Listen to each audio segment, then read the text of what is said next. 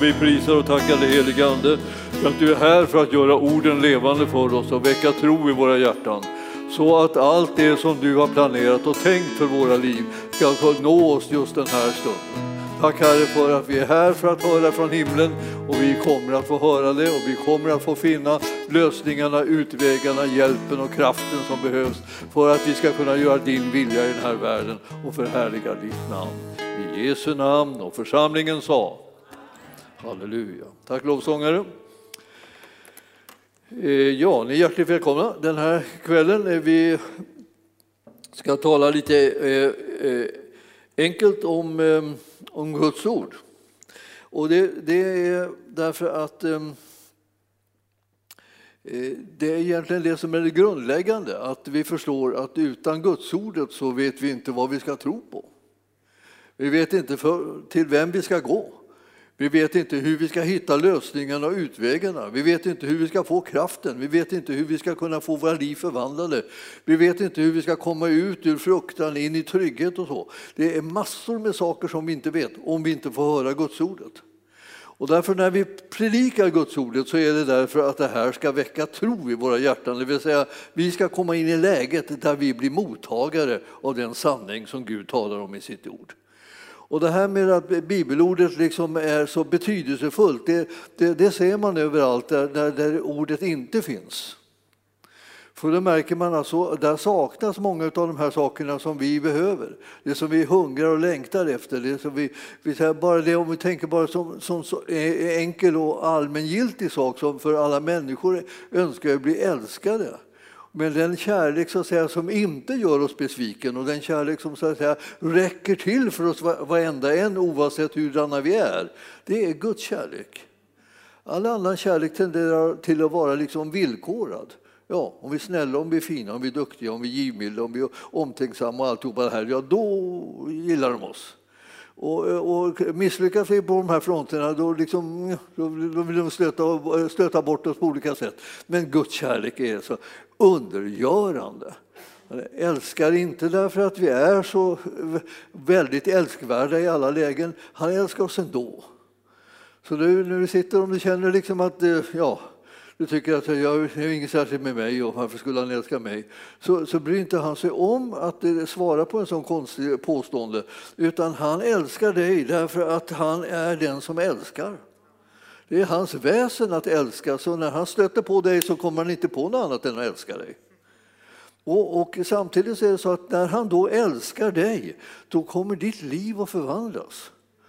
Du, du, du slutar att liksom, liksom vara en som räknar med att det är väl ingenting med mig och ingenting med dig. Utan det är du. Du är en sån här som är älskad av Gud.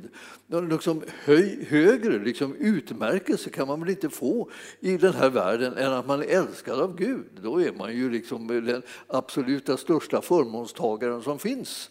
Det finns ingenting mer underbart än att vara älskad av Gud. Det, vet man, det är en sån där kärlek som inte liksom försvinner bara för att man har en dålig dag eller så.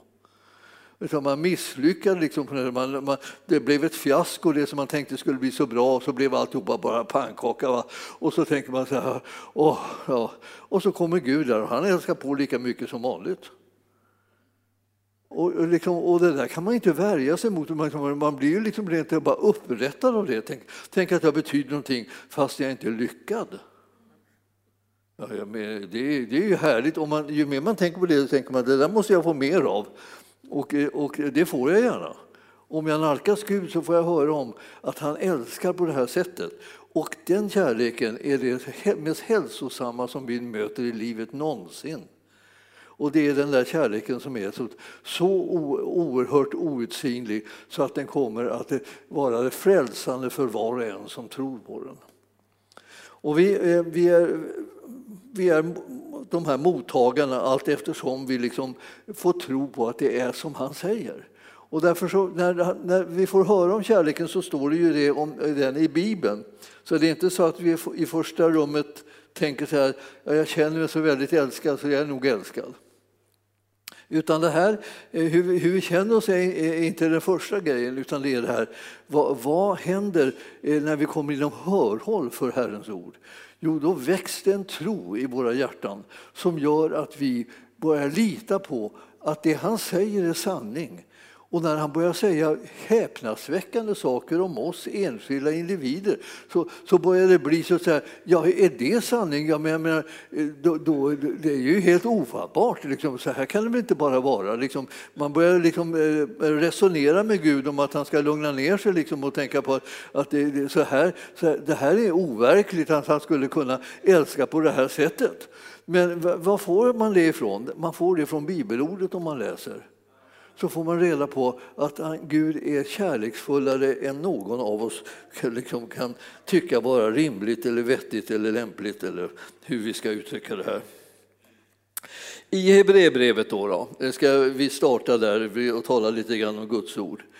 Alltså ni förstår att eh, eh, Sveriges folk, eller vad kan vi säga, eh, har ju blivit så, eh, fått en sån ofantlig möjlighet till förändring och förvandling eh, sedan den stunden då, de, eh, eh, då bibelordet nådde folket. Det är inte samma eh, tidpunkt då, då kristendomen nådde folket. För kristendomen nådde folket först på ett sätt som, eh, som inte förvandlade dem nämnvärt.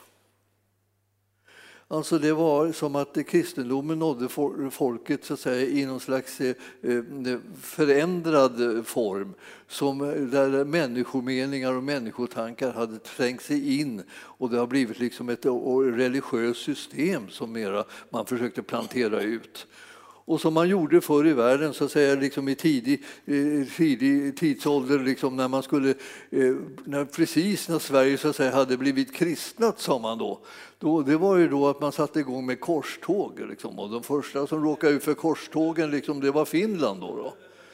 Så då åkte man över till Finland och tvingade dem liksom, att bli kristna det var ju, det var ju inte precis liksom den metod eller modell som bibelordet visar på. Hur ska man få ut evangelium?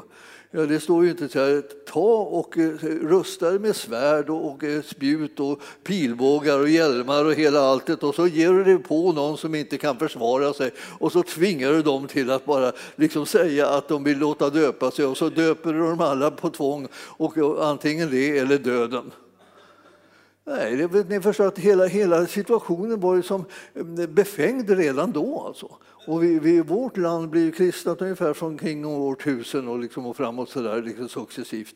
Och, eh, eh, och, och det, det var ju inte liksom någon stor frihet och fantastisk glädje utan det blev liksom eh, kontroll på kontroll på kontroll och, och tvång och tvång och tvång så i långa banor. Och staten och, liksom, och, och kyrkan liksom samarbetade på att liksom hålla folket i schack. Men om man läser i Bibeln så blev det någonting helt annat. Det var så att det, vad är det som gör att en människa kommer till tro? Vad Är det att en människa kommer bli frälst, en människa blir, blir helad, en människa blir befriad? Och så Jo, det är att det kommer tro i deras hjärtan. Så, och tron kommer av predikan och predikan i kraft av Kristi ord. Ja, det har vi ju hört. Eh, vi har hört det. Och, och därför att vi har biblar. Och biblarna liksom blir förkunnade i vårt land nu. Men det, det tog ju liksom 500 år innan man började för, eh, förkunna bi, bibelordet i det här landet. 500 år av så kallad kristendom utan bibelordet. Ja. Vad, vad, det, vad, vad kommer det? Kristendomen den kommer genom religiösa liksom, system och, och eh, religiösa kyrkor, så att säga, där bibelordet inte står i centrum. Men bibelordet måste stå i centrum för kristen tro. Därför bibelordet vittnar om Jesus och hans gärning. Hans gärning är den mest underbara, mest befriande, förlossande, försonande gärning som finns i denna världen. Och därför så måste det förvaltas av Guds församling att man predikar Jesus. Han är frälsaren och ingen annan. Han är den enda som kan rädda oss, han är den enda som kan förvandla våra liv. För att jag menar att eh, när man, eh, man känner på sig det här att liksom när vi kommer, när vi, jag tänker bara, bara Eh, det här kommer ju tillbaka hela tiden. Liksom det här med tvånget och kontrollen kommer alltid tillbaka. Om och om, och om igen. Så fort människor kommer in och får makt och, på, och inflytande liksom in i de andliga sammanhangen eh, så, så kommer det här tillbaka. Och, och, och nu, nu står det så här i Hebreerbrevet 4 och 12 ska vi starta i och titta bara där. Alltså, om vi inte sätter värde på Guds ord, för att jag tänkte på det här häromdagen, så här, tänk att det är så att när vi har Guds ord så till den milda grad, alltså jag menar om jag tittar i mina, mina egna bokhyllor, ja, jag vet jag inte, jag har faktiskt inte räknat det, men det är nog biblar i högar av olika slag, liksom olika sorter, oändligt massa biblar. En del är precis likadana också, står det, ändå står det raddar med biblar liksom, så här, och väntar på liksom, egentligen att bli utdelade till någon. Men så har det inte blivit av, utan det bara står där i överflöd. Och nästan man tänker så här, vad har du gjort av din konfirmandbibel? säger man ibland. Så här, konfirmandbibel, militär, och det var, den vet jag inte var den tog vägen. Liksom. Den ligger väl i en låda på vinden eller någonting sånt där. Alltså, och hur kommer det sig att man låter en sån här skatt ligga i en låda på vinden? Ja, därför att man inte har upptäckt skatten. Så fast man gick på kurs för att lära sig liksom om vad Bibeln är för någonting och vad Bibeln innehåller så missar man det ändå så att man la den bara sen i en låda på vinden. Jättemycket liksom, av, av Guds folk som lever här i Norden har sina biblar på en låda på vinden. Ja, i källaren alternativt då. Eller, eller om, om man har sådana här förhållanden som jag har, varken har en vind eller en källare utan ett garage. Då hamnar den i garaget då, men i en låda fortfarande. Därför att man inte förstår vilken skatt man har i Guds ordet. Det, Bibeln är till för att användas, läsas och läsas och läsas varenda dag och så att man får en, en väl grundad tro som gör att man vet vad som har blivit ens skänkt av Gud genom Jesus Kristus. Man vet vad han har gjort för man förstår vilken, vilken fantastisk gåva det är att få vara frälst och ha, ha en frälsare. Någon som har kunnat rädda en från allt det här begränsade, hopplösa, tunga med det mänskliga livet utan Gud.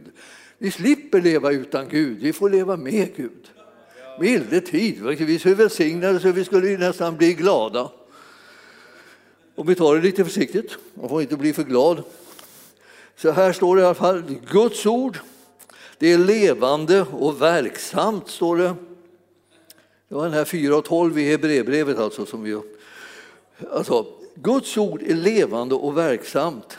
Det betyder det inte något liksom död bokstav, det är inte något liksom stumt, konstigt. Och man tänker så här, måste man läsa Bibeln? Det finns alltid folk som kommer till mig och säger det eh, då och då, så här, måste man läsa Bibeln? Jag har, jag, har, jag har tänkt mycket på om jag, om jag skulle börja svara så här, jag förstår inte frågan. Måste man läsa Bibeln? Ja, man kan ju fråga sig, måste man äta? Måste man dricka någonting? Va? Är, det, är, det, är det tvunget? Ja, vad, vad händer om man inte gör det? Ja, man, man tynar bort. Eh, sakteliga, ja. Och vad händer med ens andliga liv om man inte läser Bibeln? Ja, man tynar också bort. Det blir bara liksom, det mörknar så att säga. Till slut så ser man varken eh, liksom på det ena eller det andra, man förstår inte någonting, man kan inte hitta något. Alltså det är sådär som att i, i, idag var jag inne och, och letade efter ett koppel hemma för jag skulle eh, gå med hunden. Och det där kopplet det var ju som bortblåst. Jag visste ju vad det var i morse. Men i, nu när jag kom in så, och skulle hämta kopplet så, så visste jag inte vad det var. Och jag gick länge och funderade på var gick jag, hur gick jag? Ni vet, man försöker gå backa liksom så här och tänka att var jag där, var jag där, var jag där? Och jag sprang omkring där till slut och så nej, det var helt omöjligt. Så tänkte jag, nej, jag, jag, får, jag får skippa det här med promenaden. Det blir ingen promenad för hunden nu, utan, utan jag, jag går. Då. Och så gick jag ut till dörren då, ja, och då hängde kopplet där vid dörren.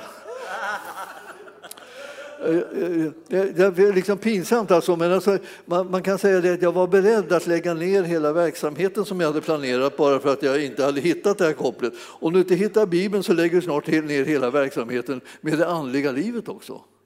Du får, får, får, ingen näring till det, det är bara, det är bara förtynad. Liksom, det blir, som ingen, för, blir förkrympt och eländigt. Till slut så, så tycker du att det, vad är det där för att hålla på med? Det bara förstör livet, bara är i vägen, tar glädjen ifrån en och sådär. Därför att man planerar att göra andra saker än det som står i ordet. Men om man, om man vill följa Gud, om man vill lära känna honom, då behöver man ju läsa ordet så att man vet vem man är, så man slipper gissa bara. Ingen gissning duger. Det finns inte möjlighet att kunna gissa så bra så att man kommer i närheten av den sanning som gäller för Jesus Kristus, vem han är och vad han har gjort. Den måste man läsa om hela tiden, om och om och om, och om igen för att man ska liksom hålla det här levande. Vilket liv som vi har fått av Herren, alldeles gratis alltså. Guds ord är levande och verksamt, det vill säga påverkar oss. Så att när du läser ordet så kommer det påverka dig hela tiden, bygger upp dig och stärker dig. Du blir inte så att säga försvagad liksom genom, genom det här läsandet och du blir inte uttråkad heller. Utan när du läser så, så märker du att det här, det här påverkar dig. Och det visar sig det att det här ordet är skarpare än något tvegat svärd och det tränger igenom så att det skiljer själ och ande, led och märg och det är en domare över hjärtats uppsåt och tankar. Man får nämligen klarhet om vad det är som är rätt och fel, vad som är gott och, och, och, liksom och sant och så här. Man får, man, man, får reda på de här sakerna eh, som, som, behöver, som man behöver för att kunna skilja liksom ut vad, vad det är som man ska ta till sig och vad det är man ska hålla ifrån sig.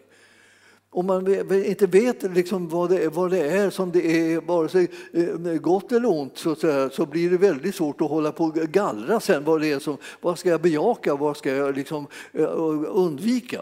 Och Herren vill att du ska känna till den här skillnaden. Rätt och fel, ja. Det är liksom, ja, rätt och fel, det är väl inte så gott att veta kan man säga alla gånger. Och så där, säger man. Ja, de här alla gångerna de blir väldigt många då om man inte läser ordet. Men om man läser ordet så vet man snart vad, vad, vad det som är rätt och vad som är fel. Och man vet vad som är gott och vad som är ont. Man börjar liksom ha information om det. Så det blir inte så jättesvårt att skilja de här sakerna åt. Och sen finns det en sak till som kommer med, med, ordet och det är att ordet ska inte läsas utan att man får den heliga Andes hjälp och, och uppenbarelse av det. Så eh, när ibland så sa man i början av, av, av, av, tiden då i reformationen så sa man så här att ja, eh, det är faktiskt så att om, om människor börjar få läsa sin bibel, alltså vill säga de kan lära sig att läsa och biblarna finns tillgängliga så de finns att läsa i, Eh, och de finns tillgängliga på det egna språket och inte något språk som ingen kan, utan på det egna språket, ja men då, då kan det liksom bli så att det, det man kan få en uppenbarelse genom den heliga Andes hjälp att förstå vad som menas med det som man läser. Då kommer du kunna förstå lika mycket som påven, höll på att säga. Eh, och, eh, och det, är, det är en låg tröskel.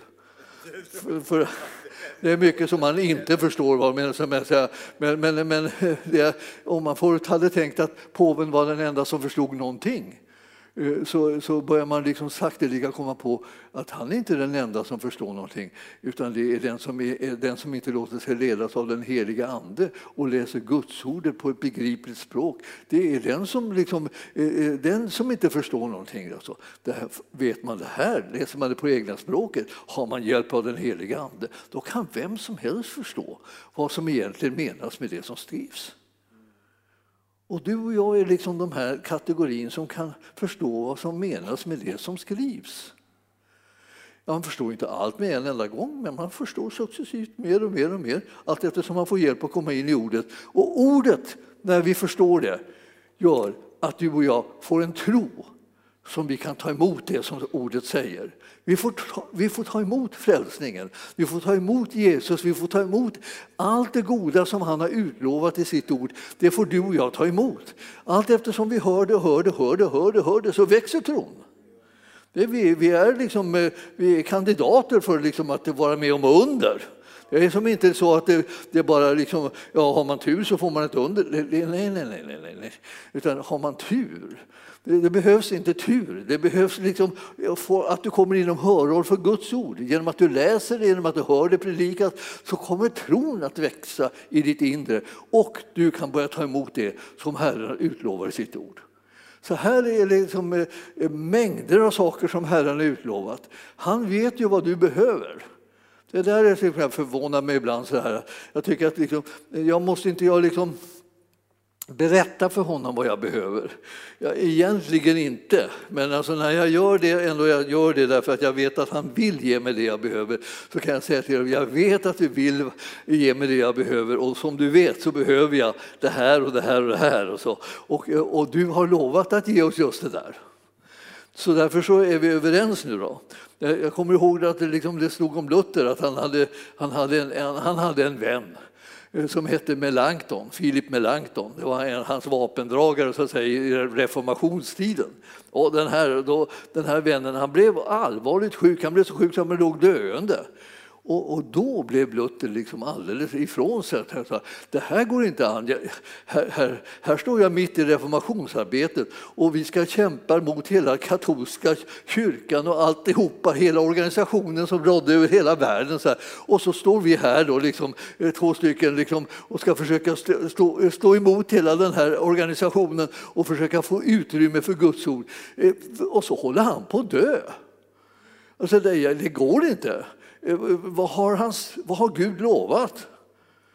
Ja, han, har lovat att han vet vad allt jag behöver, det, han, han, han tänker på det. Och att han vill ge mig det som jag ber om. Och har han också sagt alltså, om du ber till mig i namnet Jesus så, så kommer Fadern som är liksom i höjden, han kommer att ge dig bönesvaret. Ja, ja men då så, då, då sa han, nu, ska, nu, nu, nu himmelske Fader ska du veta det. Nu kommer jag till dig och jag tar dig på orden, för du har lovat att du ska bota om jag ber om det. Och nu, nu, nu ber jag om det i namnet Jesus och då har du lovat och sagt att då kommer du du ge mig svar ja på den här bönen?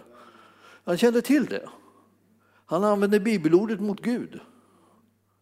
Jag tror du, blev Gud sur? Nej, han blev inte sur, han blev glad.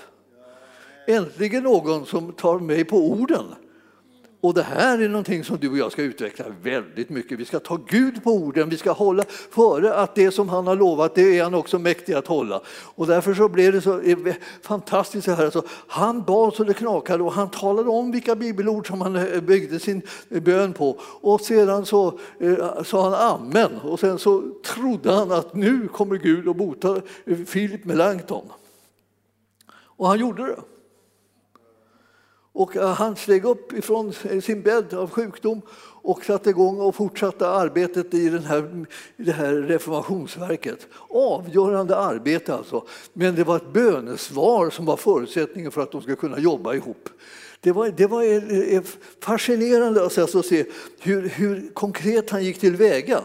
Sen så glömde man ju bort inom lutherdomen att man kunde bedja frimodigt till Gud och hänvisa till bibelverser. För att allt eftersom så blev liksom de, de här eh, vad ska jag säga, Eh, mänskliga tankarna och begränsningarna liksom, de blev liksom fler och fler och till slut så började man glömma bort vad som stod skrivet och, och man glömde bort löftena, att man hade rätt att använda sig av löftena. Och man glömde bort att man hänvisade till dem när man, när man bad och man, man hade liksom ingen riktig tro. Utan man började bedja sådär, ja gode Gud jag ber att du ska hela den här personen och, om du vill och om du har tid och om du har lust och sådär men det är klart att om du inte gör det så är jag tacksam om, om, den, så, om den så småningom tillfrisknar lite sakteliga ändå eh, eller att det löser sig på något annat sätt, att någon annan kommer in och tar den här personens plats i livet då, då om den skulle gå dö av det hela och så pratar man sig ur hela processen här av att man skulle tro att Gud egentligen hörde bön och gav bönesvar.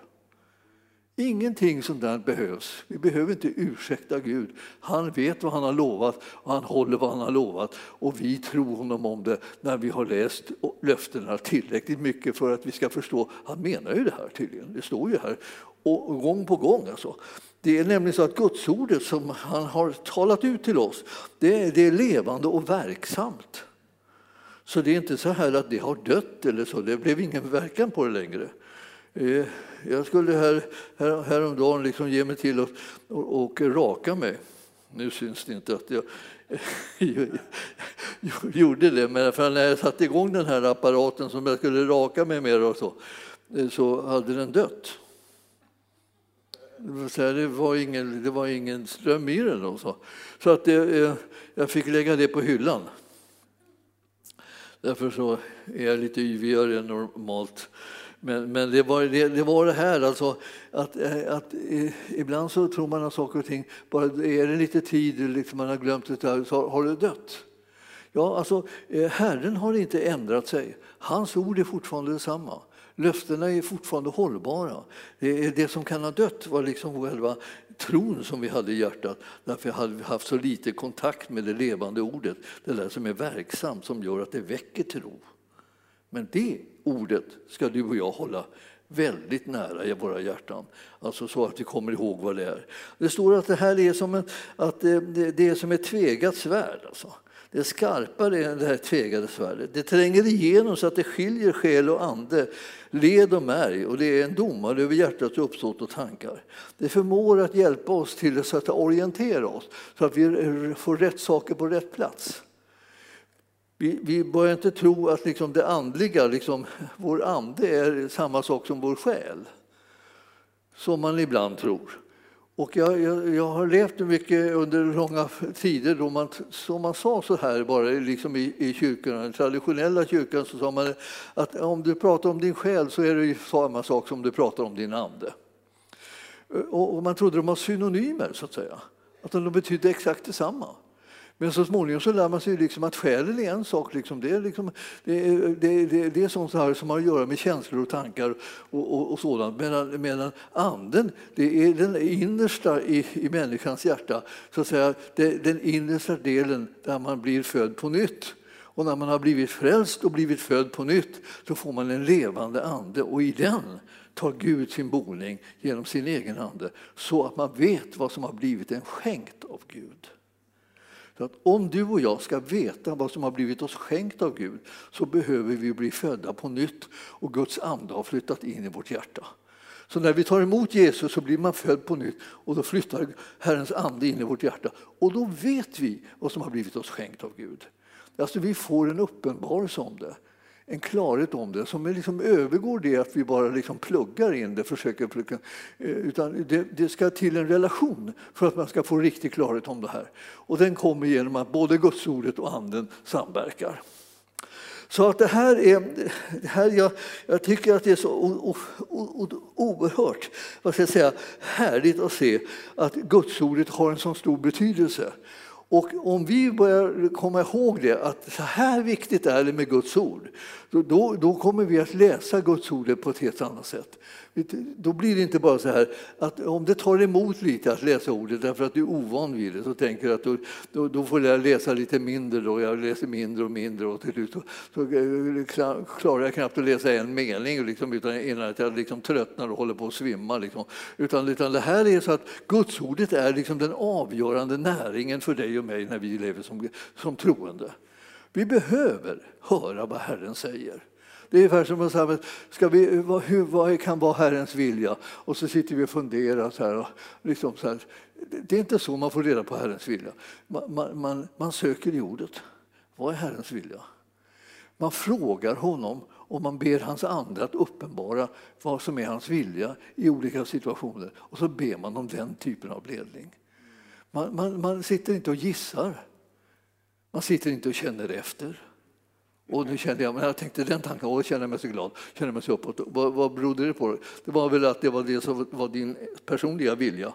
Men nu söker vi Guds vilja och då behöver det inte vara så att du, din spontana reaktion är att du blir jätteglad.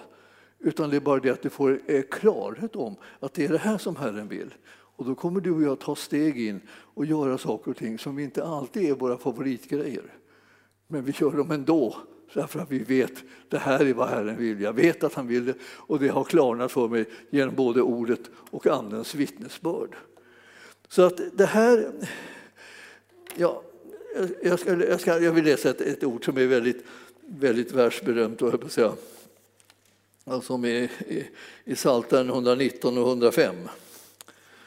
Eh, det, det, är ju som, det är som speciellt liksom att i den här Psaltarpsalmen 119, som är den längsta Psaltarpsalmen som finns, då finns det liksom ett litet ord som, som är som, är, som, är en, som en pärla mitt i, mitt i allt detta.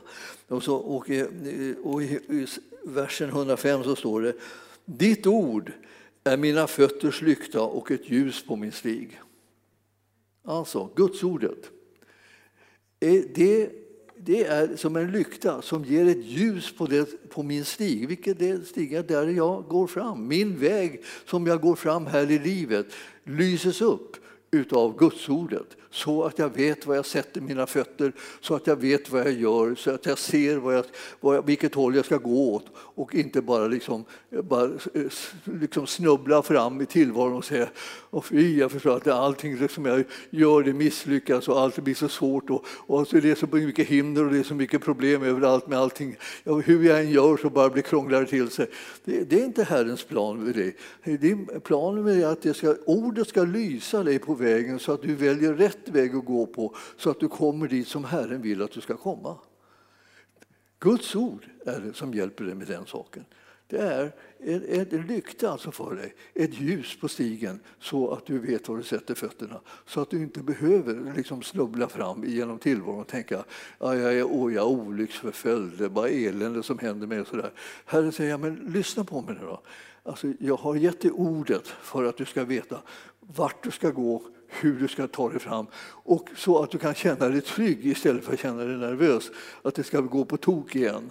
För 51 gången kanske tänker ja, nu händer det här med mig igen, det är typiskt, det är typiskt. Jag har ju sagt många gånger till att jag hade en sån här period, och den var lång kan vi säga, då jag kallade allt elände som hände mig för typiskt. Och Herren tröttnade till slut på mig och sa, det är det inte alls, det är ett undantag, sa han. Det var det, här med, det var det mest chockartade eh, uttalande han har gjort. För jag var så säker på att jag var på trygg, i, trygg i mitt uttalande när jag sa att det var typiskt. Och när jag hade sagt det till andra så här runt omkring mig, så här, ja, nu händer det där igen och så gick det åt skogen med den och så här, det är typiskt. Ja, sa de då, de höll med mig. De höll med mig va? och det var typiskt och det var typiskt. Och så visade det sig att Gud inte höll med mig. Och så han sa att det är undantag. Så jag tänkte, så, vad har han hållit hus? Jag menar, alla andra vet att det är typiskt, men, men han vet inte att det är typiskt. Alltså. Nej, han visste inte det. Och det var det värsta, det att jag fattade inte heller att det inte var typiskt. Det var, alltså, det var ju han som hade rätt och jag som hade fel. Men det tog liksom en väg, en vandring i tacksägelse till Gud för att jag skulle kunna se att det där, vad som hände mig där, det var inte typiskt, det var ett undantag. Och till slut så märkte jag vad, vilket undantag det var. Alltså det mesta sakerna var en helt annan sort än bara att det gick, eh, gick fel eller var ett elände. Det var jag som var blind. Han började öppna mina ögon för att jag skulle kunna se verkligheten så som den var. Och jag känner att Gudsordet är liksom hans stora vad ska jag säga, redskap som man använder för att jag ska se var jag sätter fötterna och hur, hur jag vandrar i livet och hur jag kommer att vandra på, på den vägen som mer och mer är liksom en välbehaglig väg för Herren också. Och så visar det sig att det är precis den vägen som egentligen är välbehaglig och rätt för mig att gå på. Oavsett om den ibland kostar på så är det ändå värt det. Därför att det här är liksom Herrens vilja som, som, som kan ske. Alltså ditt ord är mina fötters lykta och ett ljus på min stig. Och sen ska, vi, ska jag avsluta nu för att det, eh, vi, vi, ska inte hålla på så länge här den, här den här kvällen. Men jag ska avsluta med att ta, ta ett från Romarbrevet också.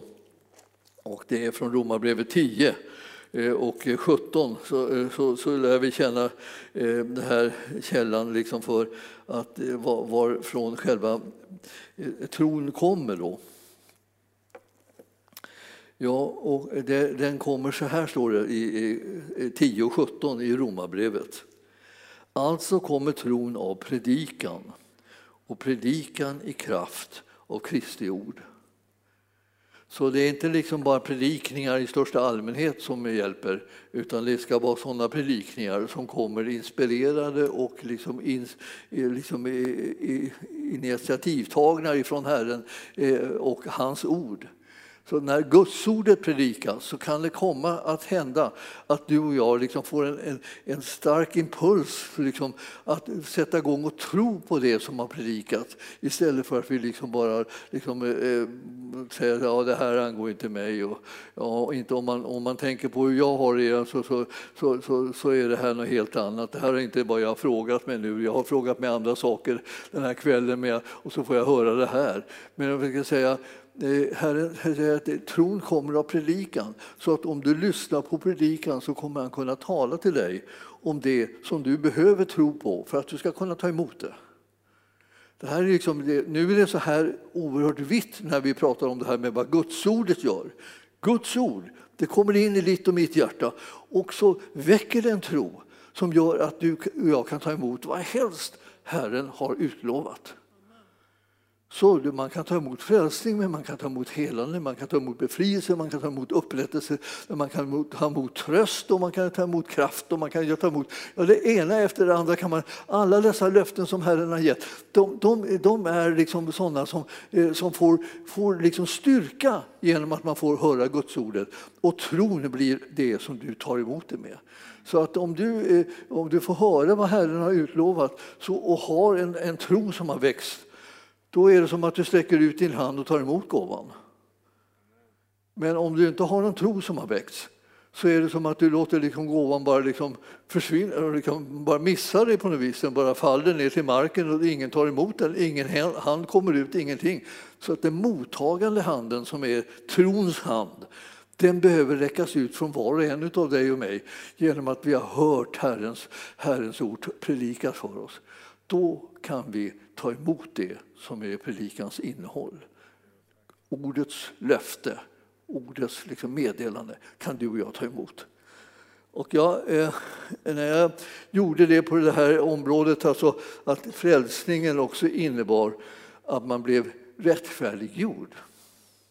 Det vill säga att man blev gjord rättfärdig istället för att man gjorde sig rättfärdig genom att man kämpade på och, och spände sig så att man liksom gjorde sitt bästa. Så till slut så var man nästan rättfärdig, tänkte man då. Och så rasade det ihop det var ungefär som att bygga ett högt torn liksom med klossar. Så liksom en enda Så småningom när man började komma upp till en viss höjd så började hela eländet svaja. Och då visste man inte riktigt hur man skulle, hur man skulle parera det. Så man, man försökte lägga eh, klossarna lite ojämnt och så här försökte se om man kunde bromsa det här svajandet. Men brak sa det och så föll alltihopa ihop i alla fall. Då. Men sen var det så här att Herren, när han säger om det här, du, du, du är inte kallad att bygga det här tornet. Jag har byggt det åt dig och jag ger det till dig. Så du har fått den fulla höjden som en gåva. Och hur kom det till? Jag tänkte, jag har inte gjort något. Nej, men du, du fick ju det genom nåd. Det var alldeles gratis. Av ren nåd så gjorde Gud dig rättfärdig fastän du inte hade lyckats själv att göra det här. Han gav dig hela saken fullbordad. Du har blivit rättfärdig jord av honom. Alltså han gjorde det. Och du blev rättfärdig. Det är bland det bästa jag har hört. Alltså jag, jag, jag, jag känner mig helt, helt jag blev, så, jag, jag blev så glad. Alltså, jag vet inte hur jag ska säga. Jag blev så otroligt glad. Jag blev helt, nästan, jag blev helt chockad. Och sen dess har jag försökt att tala om det för folk då och då. Och det här är en sån här sak. Ett löfte från Herren ett Guds ord från Herren som är sanning. Att han har gjort mig, som tog emot honom som min frälsare, jag har gjort mig rättfärdig, alltså godkänd och accepterad av Gud. Alltså, och så. så att nu när jag ska liksom tala om vem jag är, och det gör jag inte riktigt så här för jämnan, men, men jag gör det ibland så här till församlingen, talar jag om det, att jag är fullkomligt rättfärdig man. Och då kan man tänka, vad är det med Det var det värsta högmod som vi har hört. Vi har liksom aldrig hört någon så stolt och otäckt uttalande att han skulle vara fullkomligt rättfärdig. Det, något fel är det säkert på honom. Ja, visst du, men inte på det som Jesus gjorde mig till. Han gjorde mig fullkomligt rättfärdig och det blir varje människa som i tro tar emot Jesus som sin frälsare. Den blir rättfärdiggjord, den blir godkänd och accepterad av Gud och det fattas ingenting. Man tänker, ja men, ja men vi gör väl ändå alla fel och så? Ja, men inte Jesus. Han gjorde det här ett fullkomligt verk och sen gav han det till mig alldeles gratis och det betyder av nåd fick jag det. Utan att ha förtjänat det. Av nåd får du det utan att ha förtjänat det. Alltså, så sitter vi här och kan bli benådade allihopa om vi vill. Vi kan tro på det eller vi kan bli överansträngda. Det är bara att välja. Och när man tror på det så får man kraft att förändra sitt liv. Inte för att bli godkänd, utan därför att man älskar honom tillbaka som har rättfärdiggjort den. Det här är sådana här hemligheter. Var får man dem ifrån? Man får dem från bibelordet. Hur mycket som helst står det här om det här i bibelordet. Men ibland så, så, märker man det inte, man ser det inte därför att man har bestämt sig för att så kan det inte vara. Många har sagt att det inte är så. Många har talat om för oss, och det gjorde de för mig, att kom ihåg nu Gunnar att du är en syndare, du är bara en syndare. Ibland sa de till och med att jag är en syndare frälst av nåd. Vad, vad är jag då? då? En syndare, sa de då, var svaret. Ja, men var frälst av nåd? Ja, men det, det, det, det, räknas inte här, utan du är fortfarande en syndare. Vi är alla syndare. Ja. Och, eh, men man, tänker, man tycker det verkar inte orimligt på något sätt. Om man har blivit frälst av nåd borde man inte vara syndare längre. Nej. Och var skulle man kunna få en sån idé ifrån? Bibelordet. Om man har blivit frälst av nåd så är man inte syndare längre. Då är man, liksom, då är man benådad och man är rättfärdig istället. Man byter identitet, man är inte syndare utan man blir rättfärdig istället. Ja, ja visst, visst, visst, visst. Det här är sånt där som man då och då får liksom sitta och påminna sig och så gläds man åt det här. Tänk, det, det, det, det, är, inte, det är ingen fara längre. Alltså. Han, han, har, han har frälst mig. Han har försonat mig med Gud. Han har förlåtit mig och han har rättfärdiggjort mig. Och det är det som är min identitet. Och nu ska jag till hans ära lära mig att leva så, så att han blir, liksom blir välsignad av det, att jag lever och följer honom och blir mer och mer lik Jesus. Men det blir jag för att jag vill ära honom, inte för att jag behöver bli liksom ärad själv. Utan det har han gjort. Det som behövs för mig har han gjort. Och vad jag ska göra för honom, det är ett annat kapitel. Det kallas för helgelse. Och det, det, är då man lär sig att leva ut det som man har blivit. Den nya identiteten ska bli synlig inför människorna eh, därför att det ger Jesus ära. Ja, och det vill jag. Och det vill du också. Så därför så menar, gör man det av rätt skäl och på rätt sätt och vid rätt tillfälle så lär man sig att leva ett rent och heligt liv. För att man älskar honom. Och inte för att man är nervös att man inte ska hålla på måttet. För han har benådat oss. Han har förlåtit oss. Han har försonat oss med Gud. Det är det som vi lever så att säga, högt på. Och så får vi älska honom tillbaka genom att göra hans vilja. Himmelske Fader, jag ber att du ska låta den här påminnelsen om, om Guds ordets betydelse att kunna väcka tro i våra hjärtan så att vi kan ta emot det goda som du har gjort och vunnit för oss i Jesus Kristus. Vi ber här att det ska verkligen få en påminnelse och en verkan in i vårt liv så att vi ännu mer frimodigt tjänar Herren och följer honom och gör det som är välbehagligt för honom i både stort och smått. Vi bara överlåter oss till dig Herre. och Vi proklamerar ditt herravälde och din makt och din godhet. Tack Jesus för att vi får tjäna dig, att vi får känna dig, att vi får lära känna dig så som ordet beskriver dig och inte på något annat sätt. Att vi inte behöver gå omkring och ta tempen hela tiden på våra egna känslor utan vi litar på att den sanning som ordet uppenbarar, det är den som gäller också för oss. Så nåden räcker, det prisar vi dig för i Jesu namn. Och församlingen sa Halleluja, tack Jesus. Prisad vare Gud.